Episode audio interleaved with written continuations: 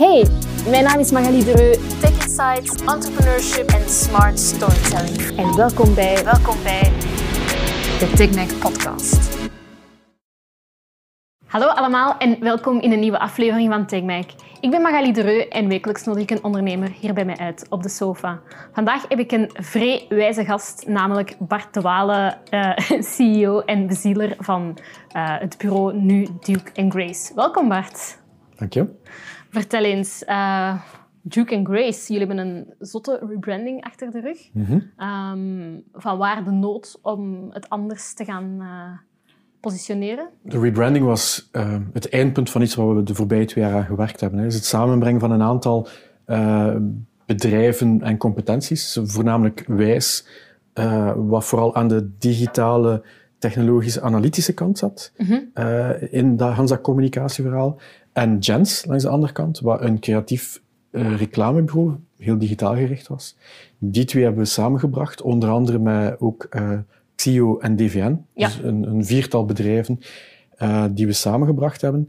En wat we daar de voorbije twee jaar gedaan hebben, is die competenties in evenwicht brengen. Dus wij zitten zo op dat kruispunt tussen technologie, business consulting en communicatie en marketing. Ja. We zitten daar, we zitten daar heel natuurlijk wijs als naam was een beetje te eng aan het worden. Te ja, lokaal. Dekte de lading ook niet meer. Voilà, te veel uh, gelinkt aan, aan wat we waren, in plaats van wat we zijn en wat we willen zijn. Uh, tegelijkertijd was het ook wel een, een interne oefening. Hè. Uh, als, als al die mensen uit die verschillende bedrijven samen een nieuwe identiteit creëren, ja, dan heb je een, een gemeenschappelijke vlag waar je achter kan staan. Hoe moeilijk is zoiets? Want ik kan me voorstellen, elk van die bedrijven, zeker omdat daar kleine spelers tussen zitten, die hebben mhm. allemaal hun eigen creatieve, meer start-up cultuur, om het zo te zeggen. Hoe moeilijk is dat om zo'n cultuur te verzoenen met een bureau dat toch wel al...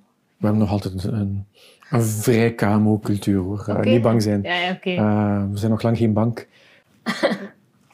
ja, dat is moeilijk. Ja, het belangrijkste in bedrijven samenbrengen is cultuur. Ja. ja. Nu, dat begint al met, met de selectie, om het zo te zeggen. Um, al die bedrijven die ik opnoem, hadden wel al een stukje een gelijkaardige cultuur, een gelijkaardig DNA en een gelijkaardige manier om naar de, de dingen te kijken. Daar had je van meet af aan over gewaakt, voordat absoluut. je ermee ging samenstellen. Absoluut, absoluut. Want uh, we zitten in een sector die langs alle kanten consolideert. Uh, er zijn, er zijn uh, opties genoeg. Um, cultuur is het belangrijkste. Um, nu, dat gezegd zijn, op het moment dat je ze samenbrengt, zijn niet meer de gelijkenissen die naar voren komen, maar die kleine verschillen. Ja. Uh, en, en dus als je uh, net uh, um, date, dan zie je de leuke kanten aan elkaar. Als je tien jaar samenwoont, dan beginnen de kleine kantjes ja. te irriteren, hè, hoe goed dat je ook samenwerkt. Dus daar moet je wel op letten. Dat is hard werken. Dat vraagt heel veel aandacht, heel veel aandacht voor de mensen die daarin zitten. Um, wat voor mij het belangrijkste is, is dat dat getrokken werd door onze klanten. Ja. ja. onze klanten hadden van in het begin door dat dat samengevoegd aanbod, dat dat echt iets was voor hen. Dus je begint daar heel snel nieuwe projecten, nieuwe klanten uit te halen, um, die, die zorgen dat die teams al vrij natuurlijk samenwerken. Dus ja. de focus in het werk en daar de kwaliteit naar boven brengen, dat zorgt ervoor dat teams aan elkaar gaan hangen. Ja. Ja, want ik vraag me af, welke positie neem jij dan als CEO van het oorspronkelijke Wijs in? Uh, want Wijs heeft ook al, al een tijd lang heel veel people managers, denk ik, mm -hmm. uh, gehad. Uh, hoe, wat is jouw rol daarin? Um, ik, het, is, het, bedrijf is groot genoeg en tegelijkertijd groot genoeg om een managementteam te hebben en te groot om geen ja. managementteam te hebben. Um, dus uh, samen met het managementteam proberen wij uh, dat bedrijf te designen. Ja. Uh, um, dat is een groot stuk mijn rol als CEO. Dus ik pak de rol van CEO samen met dat managementteam. Um, ja, dat is, dat is een, een, rol die evolueert. Je springt in de gaten waar dat nodig is. Ja. Um, maar wel heel hard steunend op mijn CFO, mijn operational uh, manager, mijn strategisch directeur, mijn managing director, die de spiegel is van mij, die die dagelijkse dingen pakt. Ik moet als CEO zo... Afstand nemen ook. Ga, dat is een yo-yo, hè. Ja. Um, soms moet je heel dichterbij zitten uh, om het volgende niveau te gaan pakken. Uh, soms moet je afstand pakken uh, om, ja. om helder te kunnen zien wat dat volgende niveau juist is. Ja, dus dat is zoiets in de levensloop, we zijn nu 14 jaar bezig, van, van dat bedrijf zo dichter, verder, dichter, verder. En is dat niet heel vermoeiend? Want je moet daar ook heel veel allee, voeling en, en je moet daar mensen constant voor kunnen aanvoelen. En ook voldoende voeling hebben met het bedrijf, maar tegelijk niet te dicht staan of micromanagen. Hoe heb je zelf dat even Dat bewaard? is een job, hè? Ja. Maar ja, dat lijkt mij... Dat lijkt mij Ja, natuurlijk. Da- Daarom is, bestaat die rol van CEO. Ehm, ja, Goh, natuurlijk, ehm, ik ben niet de perfecte CEO. ja. Eh, we zijn in 2006 met twee begonnen op mijn zolderkamer. ja. Ehm, en dan evolueert dat je verlegt de grens iedere keer. Ik ben van, altijd van in het begin bezig geweest met, zelfs als we met twee waren en we met ons tweeën alles deden, ben ik iedere keer bezig geweest met wat is het ene stukje dat ik kan isoleren, iemand beter vinden voor dat stuk eh, dan dat ik het doe, en mezelf ontslaan. Dus mijn job is mezelf elke dag ontslaan voor een stukje van wat ik doe. ja. Ehm, natuurlijk, naarmate, dat zorgt ervoor dat je een soort van trekkracht en een groeikracht in dat bedrijf hebt. En naarmate dat dat bedrijf groeit, komen er nieuwe uitdagingen. Dus je zit nooit zonder werk. Integendeel, het wordt Ja. eigenlijk alleen maar, maar groter. ja. Plus, eh, en dat is wat ik zei in dat ehm, designen van een bedrijf, ehm, er is niet de ideale bedrijfsorganisatie of structuur. Ehm, die hangt af van de mensen, van de klanten, van de sector, maar ook van het stadium in, waarin dat je zit. En je hebt zo wat, wat eikpunten, hè. Tot vijf mensen, tot 25 mensen, tot 50 mensen, tot 100 mensen. Ehm, de, de voorbije organisatiestructuur ehm, hebben wij uitgewerkt en geïmplementeerd als we rond de 50 mensen waren. Dat heeft ons tot hier gebracht. Maar nu voel ik de, dat kraken. ja. We zijn met iets meer dan 100 mensen. Ehm, en zijn we daar helemaal weer stap voor stap een nieuwe structuur aan het geven. Eh, Volgens de definitie ben je eh, geen KMO meer als je iets meer dan eh 100 mensen in dienst hebt. Dus Uh, opnieuw kwestie van perspectief. Ja. Als ik met buitenlandse eh, financiële analisten spreek, dan noemen die Belfius een KMO-bank. pijnlijk. Ja, dus een Ja. kwestie van perspectief. Hè. Ehm, eh, als ik, we zijn eh, een tijdje geleden, we halen onze inspiratie uit het buitenland. Ja. Eh, we, zijn, we gaan af en toe op safari eh, naar gelijkaardige bedrijven. We zijn naar New York geweest, naar RGA, Ogilvy, eh Stink Studios, eh, Gary Vee, Ja. VaynerMedia. Ehm, een bedrijf van 100 man in onze sector, dat is een boutique agency daar. Hè. Heb je daar ook met Gary Vee gesproken? Dan? Met zijn COO. Ja, amai. Eh, ja, zeer interessant. Eh, En heeft Wes, eh heeft Duke Grace nog openstaande freelance vacatures? Want als dat dan een safari naar New York of LA dan wordt me er wel... hè? absoluut, heel veel vacatures en ook heel veel doorgroeimogelijkheden. Om op safari te gaan, ga je toch wel mijn stoel moeten komen invullen. hè. Ja, ja, ja, ja, Dus ja, nee, daar ben eerst, ik... eerst een traject afleggen. Maar je zei er net ook van, ik ben in 2006 in mijn zolderkamer Mhm. begonnen met twee. Ehm, ik hoor het ook als ik met, met andere start-ups spreek, dan zeggen zij van ja, die evolutie van ondernemer naar manager, dat is toch wel... Allee, niet iedereen is daarvoor geschikt. Ehm, zie jij jezelf eerder als ondernemer of eerder als manager vandaag? Of manager met een ondernemende spirit? Of Dus- ondernemer met een management spirit? Denk je dat, dat laatste? Ehm, ga, ik ben een beetje allergisch aan... eh, Hokjes. ook, maar aan zo dat, eh, dat prototype van de start-upper Ja. die zegt, "Oh, ik ben zeer goed in het maken van ideeën en, eh, en de uitwerking daarvan is dan voor iemand anders en dan, ga ik, Ja. dan ben ik een serial entrepreneur. I don't buy it. Ja. Dus eh, je moet op dat spectrum tussen ondernemer en manager moet je constant oscilleren en je moet de rol pakken die Constant no- wat? oscilleren, Ja, zo trillen. En de rol pakken die, eh, die nodig is op dat moment. En zoals ik zei, dat is, dat is een, een, een yo-yo. Als je zegt van I don't buy it, uh, bijvoorbeeld een Davy Kistes zei mij ook van ja, Spark Central, ik kon dat idee rechttrekken, maar daarna ben ik hem uh, afgetrapt, want ik, ik zag jezelf geen manager. Jij hebt zoiets van je moet allebei wel zijn. Ja, maar goh, ik denk dat Davy die bedrijven, wat hij nu ook aan, weer aan het doen is met Cake, ver genoeg brengt. Dus, dus ik heb het daar niet over. Ja, het is echt zo de mensen die het gewoon het idee hebben en dan zeggen... En die denken van, ja, Ja. de rest is operations. Dat geloof ik niet. Eh, er zit daar ook zo'n soort van ehm, eh, eh, long tail in. Ja. Eh, je hebt de big head, wat uw idee is, wat superbelangrijk is voor het, het slagen van een bedrijf.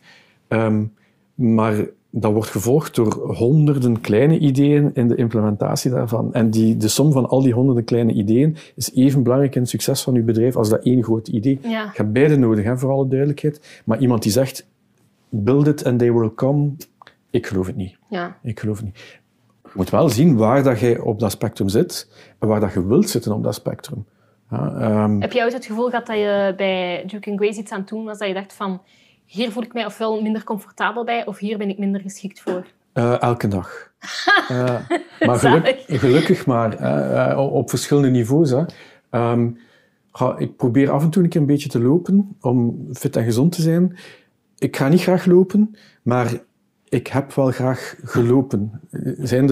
Het gevoel achteraf. het gevoel achteraf, mijn, mijn, dat is super tof en daarvoor accepteer ik dat ik moet lopen. Ja, dus daar kan je dat toch jezelf ertoe aanzetten om het te Voilà, doen. en dat is bij het bouwen van een bedrijf ook. Sommige dingen zijn nodig om tot het eindresultaat te komen. Ja. Ja, ehm, langs de andere kant, dingen die niet in mijn comfortzone zitten, gelukkig heb ik die elke dag. Ja. Want ik heb graag verschillende dingen en ik evolueer graag. Ik kan mij niet voorstellen dat ik tot de, rest, tot aan mijn pensioen, ehm, met een bedrijf van 15 man zou zitten die 20 jaar lang hetzelfde doet. Ja, het moment dat ik het beu ben, ja, dat is vaak, ja, dan verander ik niet van bedrijf, dan verander ik mijn bedrijf. Dus Ja. Dat zie je ook wel in die evolutie. Ja, inderdaad. Ja, het is wel straf, hè? want eh, je zegt zelf ook van... Ik, als CEO heb ik ook mijn tekortkomingen, logisch, iedereen heeft dat. Maar wat zie jij zo bij jezelf als je zwakte? Waarvan je denkt van... Dat toch beter geweest als ik die eigenschap niet had? Of dat het is gelijk die cartoon, hè. wel is een slechte eigenschap. Ik ben te eigenlijk. Ja. Opnieuw op dat spectrum. Hè. Ehm, eh, ik denk dat ik heel goed ben in het, ehm, in het doen wat een ondernemer eh, nodig heeft. Dat is het zoeken van resources. Ja, dat Ja. is kapitaal, eh, dat is klanten, dat is mensen. resources samenbrengen van rond iets wat er nog niet is. ja. Ehm, een keer dat dat dan in een machine zit, dat is de tweede job, is dat het designen van die machine. Een keer dat dat in die machine zit, is, dan komt het meer managerial stuk, is het opvolgen daarvan. Daar ben ik niet zo goed in. Ja. En dat moet ik mezelf leren. En dat is ook belangrijk. Maar eh, opnieuw, dat is, dat is in dat spectrum. En dan probeer ik mij te omringen met mensen die dat Die dat wel kunnen. beter kunnen. En, dan dat je daar complementair mee bent. Oké, wacht. En dat is inderdaad het operationele. Maar als je zo kijkt eh, naar je persoonlijkheid, zijn er bepaalde eigenschappen waar je zegt van... In principe, een goede CEO zou niet dat moeten zijn. Of...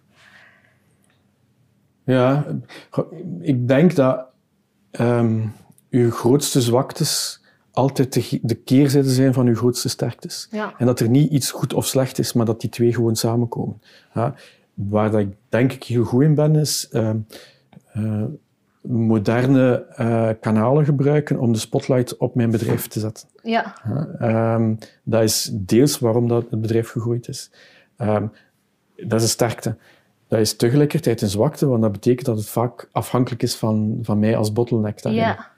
Dus, ehm, en ik denk dat je dat op elk vlak kunt ehm, eh, zeggen dat voor elke sterkte dat er een keerzijde aan zit, waar dat er een, een zwakte in zit. Ehm, en Is dat dat- niet wat iedereen zegt die wil solliciteren bij een bedrijf en daar ergens aan de slag? Ja, heb jij geen job gevonden? Want ik hoor dat jij bij, eh, bij Seth Godin gaat enzovoort. Ja, dus, ja. Maar, maar weet je, eh, ik ben niet meer jong genoeg om alles te weten. Ehm, dus na verloop van tijd komt er zo wat nuance in. Ik, ik geloof dat echt dat er, dat, daar, dat er geen juiste dingen zijn. Dat er gewoon keerzijdes van medailles zijn. Ehm, en dat die twee samenkomen. Wat ik daar straks zei over opvolging versus nieuwe dingen bedenken.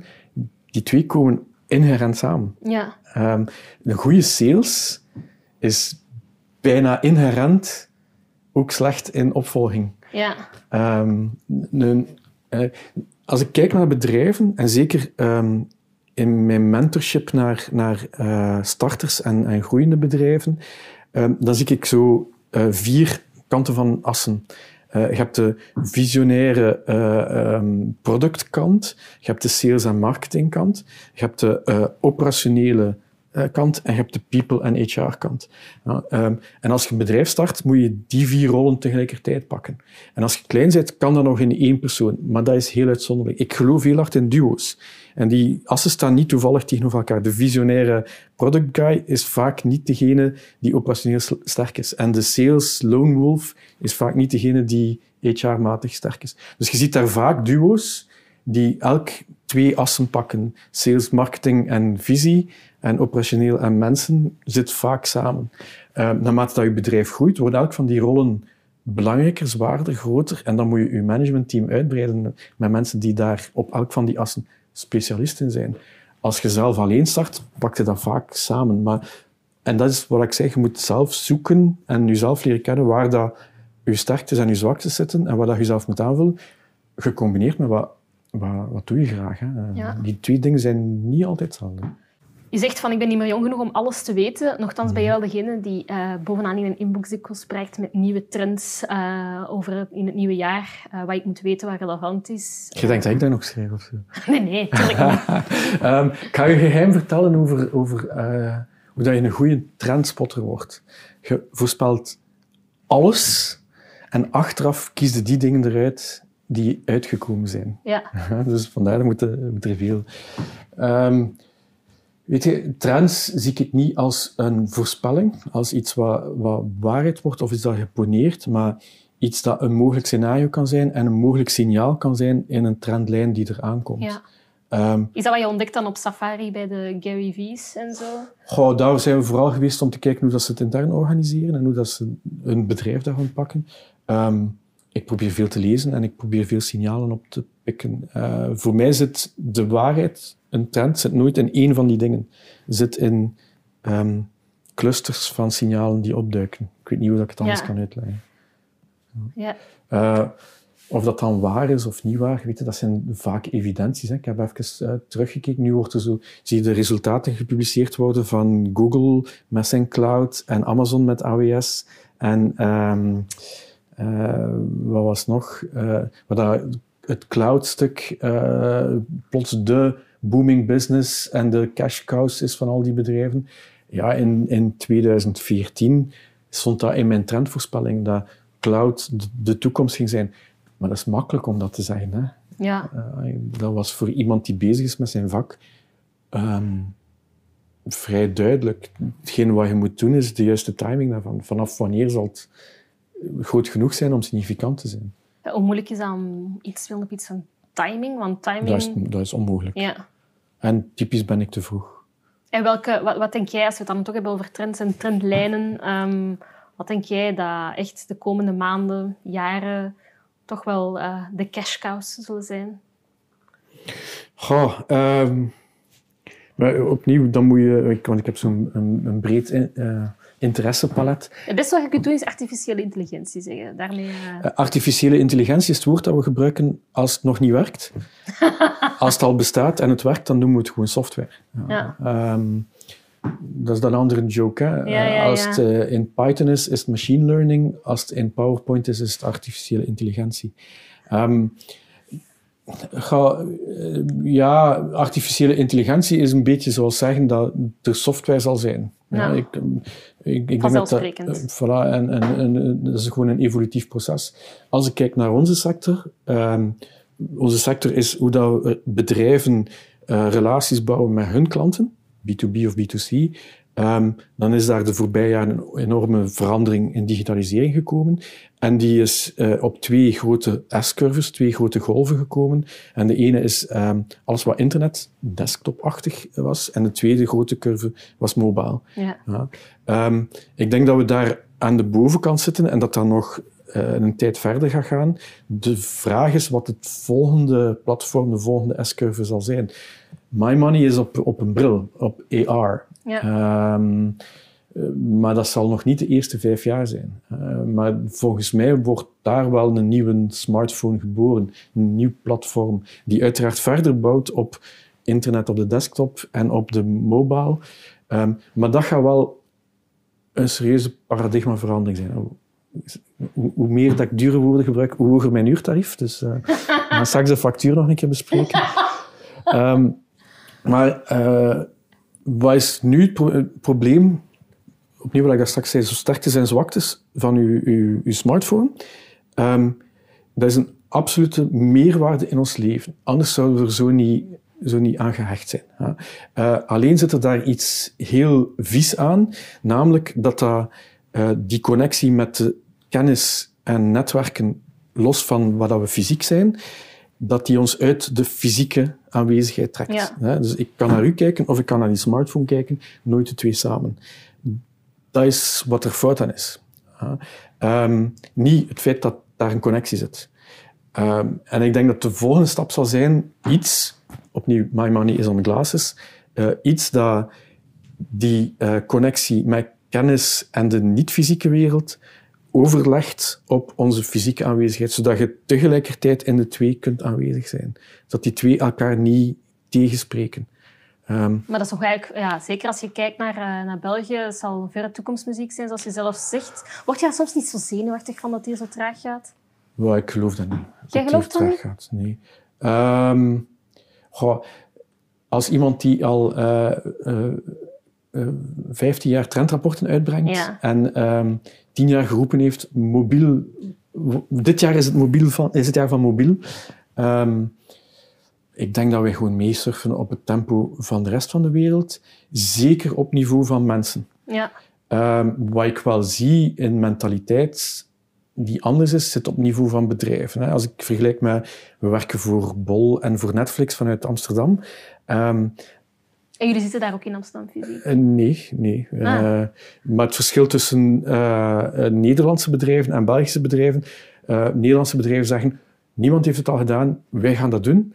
Terwijl Belgische bedrijven zeggen, niemand heeft het al gedaan, we gaan nog een beetje wachten. Ja. Ja. Zelfs als hun markt al geëvolueerd is. Dat hebben we heel hard gezien met, met mobile. Ja, ja. Uh, terwijl dat de, um, de consumentenmarkt, de klantenmarkt, um, al gedigitaliseerd was. Uh, en zelfs de mensen in die bedrijven s'avonds thuis kwamen en een reis boekten op booking.com, zeiden ze in dat bedrijf nog steeds, goh, ja, onze markt is conservatief en, en die verwacht nog papieren. Ja, dus daar zie ik wel een traagheid, maar dat is deel van onze job. Als wij goed zijn bij Duke and Grace, wij zijn, we zijn goed in wat we doen. Hè? Um, maar wij werken niet meer voor de KMO's. Het, stuk extra waar wij goed in zijn, is een draagvlak creëren bij complexere bedrijven. Ja. Um, waar dat je ook een, een, een, soort van dynamiek hebt, een soort van manier waarop dat die vooruit gaan.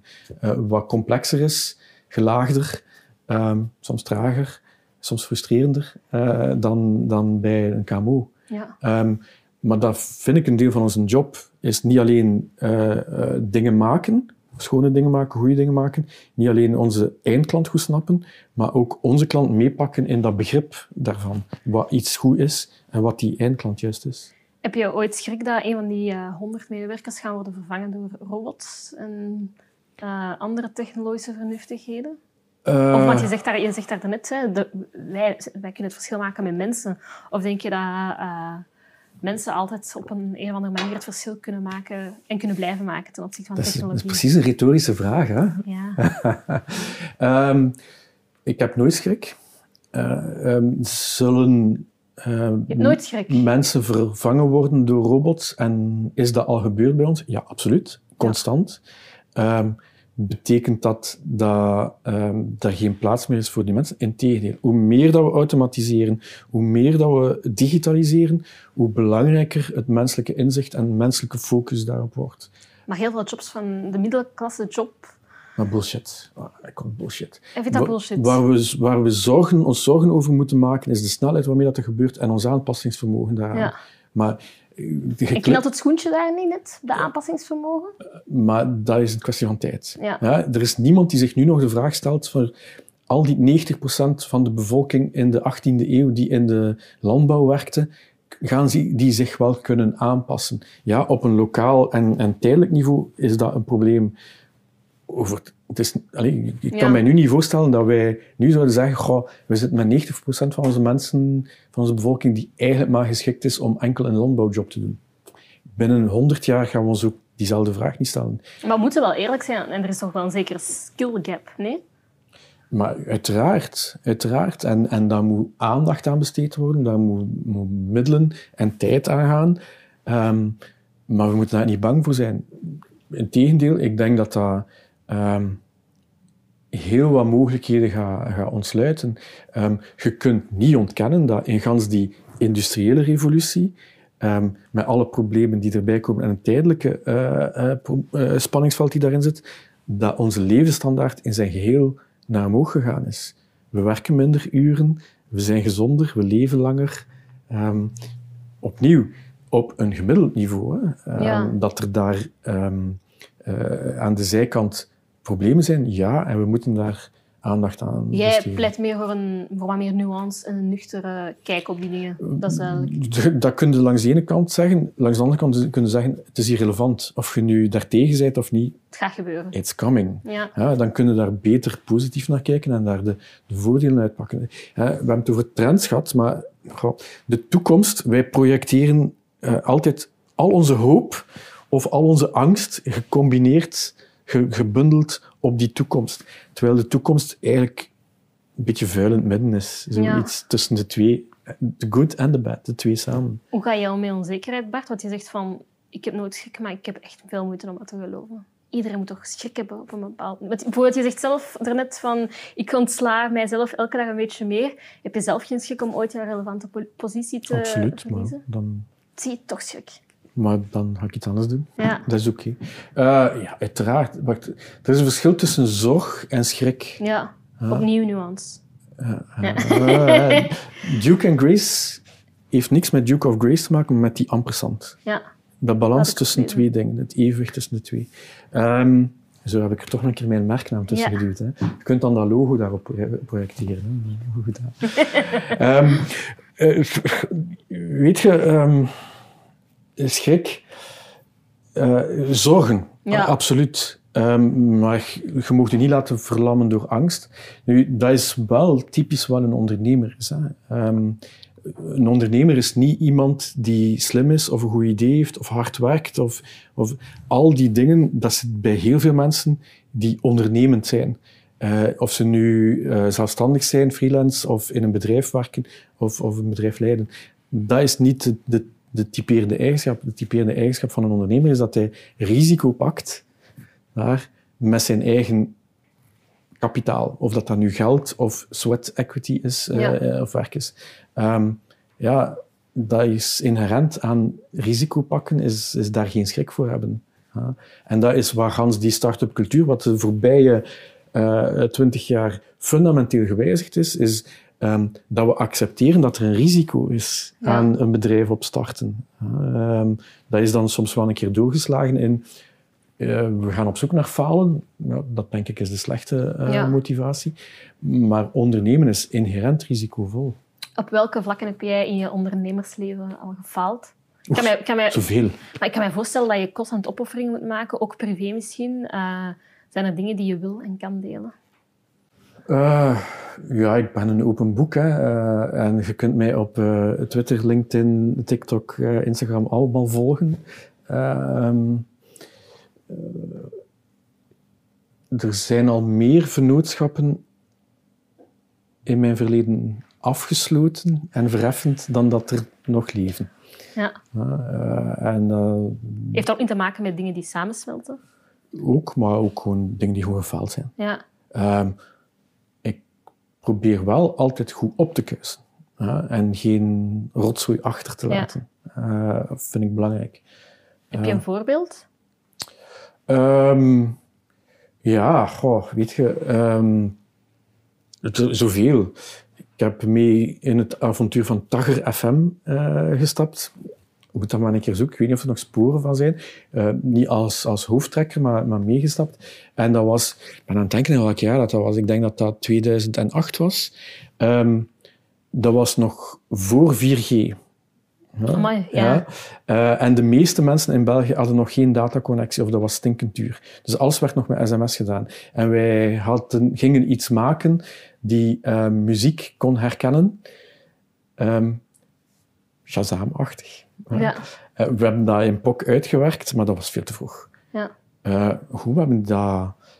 Dat heeft geld gekost, maar we hebben dat wel niet failliet laten gaan. We hebben dat verheffend. Ja. Ik probeer geen brokken achter te laten. Darwin Analytics is nog zo eentje. Wise is nog zo eentje. Ik- Ik kan er een hoop op noemen. En ik heb daar ook geen...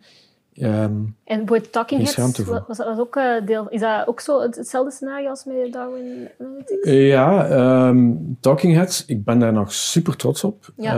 Ehm, eind 2008 voelde ik, social media, dat gaat iets worden. En dus dat was een businessplan gemaakt. Social media, het eerste social media bureau in België, dat was ook effectief zo. En het businessplan was, we gaan kleine pakketjes verkopen uh, maandelijks 100, 200, 500 euro voor KMO's om op social media te zitten. En dan kwamen de eerste twee klanten binnen, dat was um, Infrabel en Nike. En gaan ze dat businessplan van kleine pakketjes aan KMO's in de vuilbak. Um, dat is gegroeid. Um, dat is vooral de verdienste geweest van Sophie, uh, met wie dat we dat samen gestart uh, zijn. Sophie vooral, ja. Um, tot op een punt um, waarop social media geïntegreerd werd. In al de rest. In al de rest, ja. Uh, en dan werd het altijd maar moeilijker om dat als niche apart te gaan zien. Um, en dan, dan ja, opnieuw, um, dan beginnen ook interessevelden uit elkaar te lopen. Sophie wil ook andere dingen doen. Ja, dan, dan stoppen we dat. Hè. En als je ziet wat we in de tijd bij, bij Talking Heads deden, we doen dat nu bijna dagelijks ja. binnen Duke and Grace. En nu is Talking Heads een lege vennootschap die niet meer actief is. Ja, maar wel goed opgekuist. Voilà. Zo gaat het. Ja, niet altijd, hè. Nee. Zijn er dingen waar je echt hebt van, daar heb ik spijt van, of daar heb ik nu echt eens onder geleden dat die persoon is weggegaan, of ik heb spijt van dat hier mijn familie heeft onder moeten, moeten lijden? Uh... Als ik terugkijk naar 2006 tot 2008, um, ehm, zo die eerste tien mensen, um, dan zat ik er nog heel dichtbij. Heb ik zelf ook zo mensen um, uh, aan boord getrokken, kansen gegeven, meegeholpen mee om, om het beste uit zichzelf te halen. Um, en als we dan die eerste fusie gedaan hebben, Netlash en Bicine, dan zijn velen daar vertrokken. Die fusie, we hebben daar veel uit geleerd, maar heb ik niet zo goed gedaan. En waarom niet? Uh, het, het, jaar daarna hadden we 45% verloop. Bijna 1 op 2, 2011, ja. die vertrok. Um, maar door cultuurverschil dan? Ga, ik die te snel ging. Ja. Uh, twee bedrijven van een twintigtal mensen die uh, echte KMO's zijn, die voor de KMO-markt werken, in een uitvoerend net, uh, websites bouwen, BC online marketing uitvoerend. En eigenlijk heb ik die fusie aangegrepen om wijs te bouwen wat naar grotere klanten moest gaan, complexere klanten, uh, naar um, een meer strategisch aanbod in plaats van puur uitvoerend en meer geïntegreerd. En inderdaad, plots niet meer 20 mensen met wie dat allemaal samen aan tafel eet, maar 45, 50, 60, 70 mensen. Ja, eh, een deel van die mensen die vertrokken zijn, ja, they didn't sign up for that. Dus ja. ik snap dat wel. Dus daar ben ik wel heel snel gegaan. Ik heb daar wel veel uit geleerd over, over latere fusies. Nu, tegelijkertijd, ja, en dat doet mij wel pijn. Ja, en, en toen kwam dat ook heel erg persoonlijk binnen. Dat ik een heel persoonlijke relatie met elk van die mensen had. Tegelijkertijd, als ik nu terugkijk, de eerste tien, um, vijf daarvan zijn nog aan boord. De andere vijf hebben elk een eigen bedrijf opgericht. Zijn ook mijn concurrenten. Amai.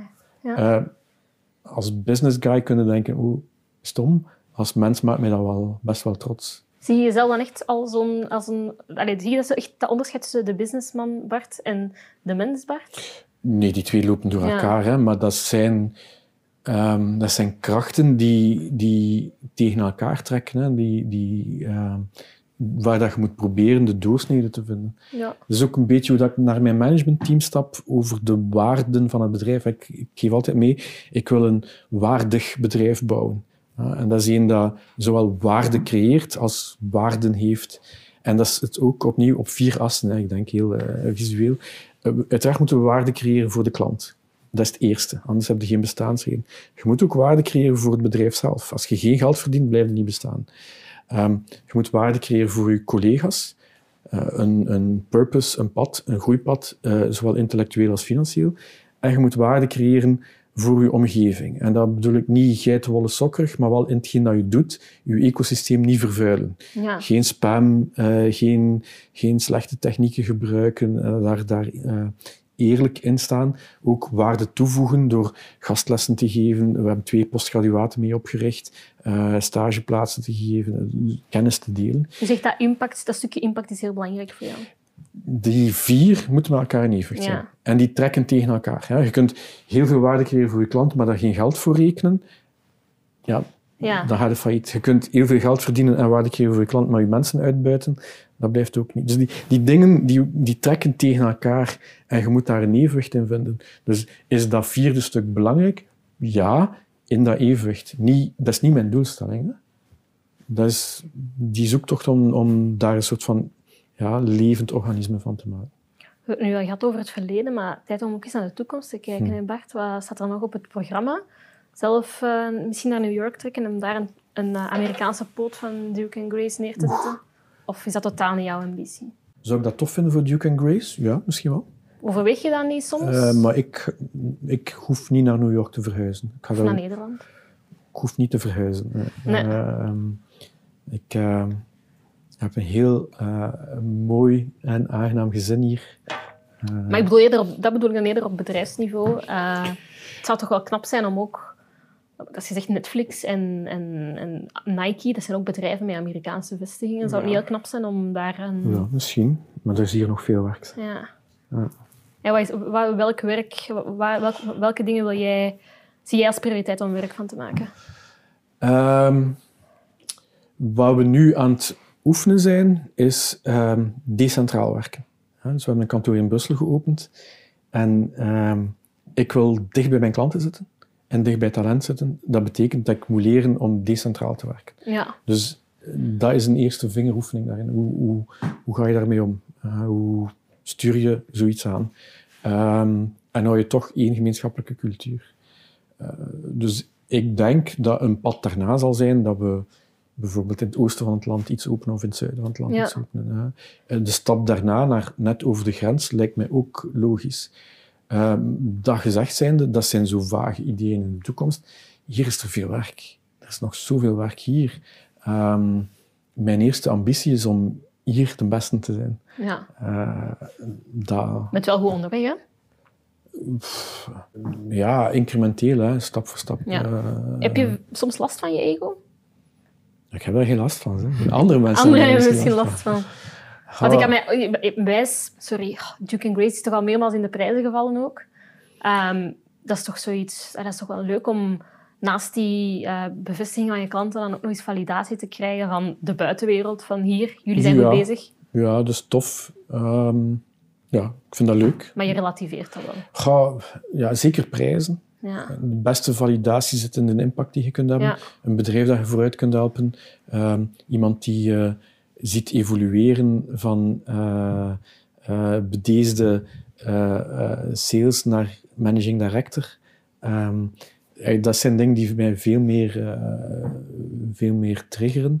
Um, dat een prijs of een financieel resultaat daar een externe validatie van is, uiteraard. Ja, tof. Ja. Um, maar ja, ik, ik, twijfel elke dag aan mezelf. Hè. Um, wat, wat wel um, een soort van discrepantie is tussen wat ik online ben, dat is één aspect van mijn persoonlijkheid uitvergroot en, en met een serieuze megafoon onder. Dat is, maar, dat is een aspect van mezelf, anders zou ik dat niet kunnen.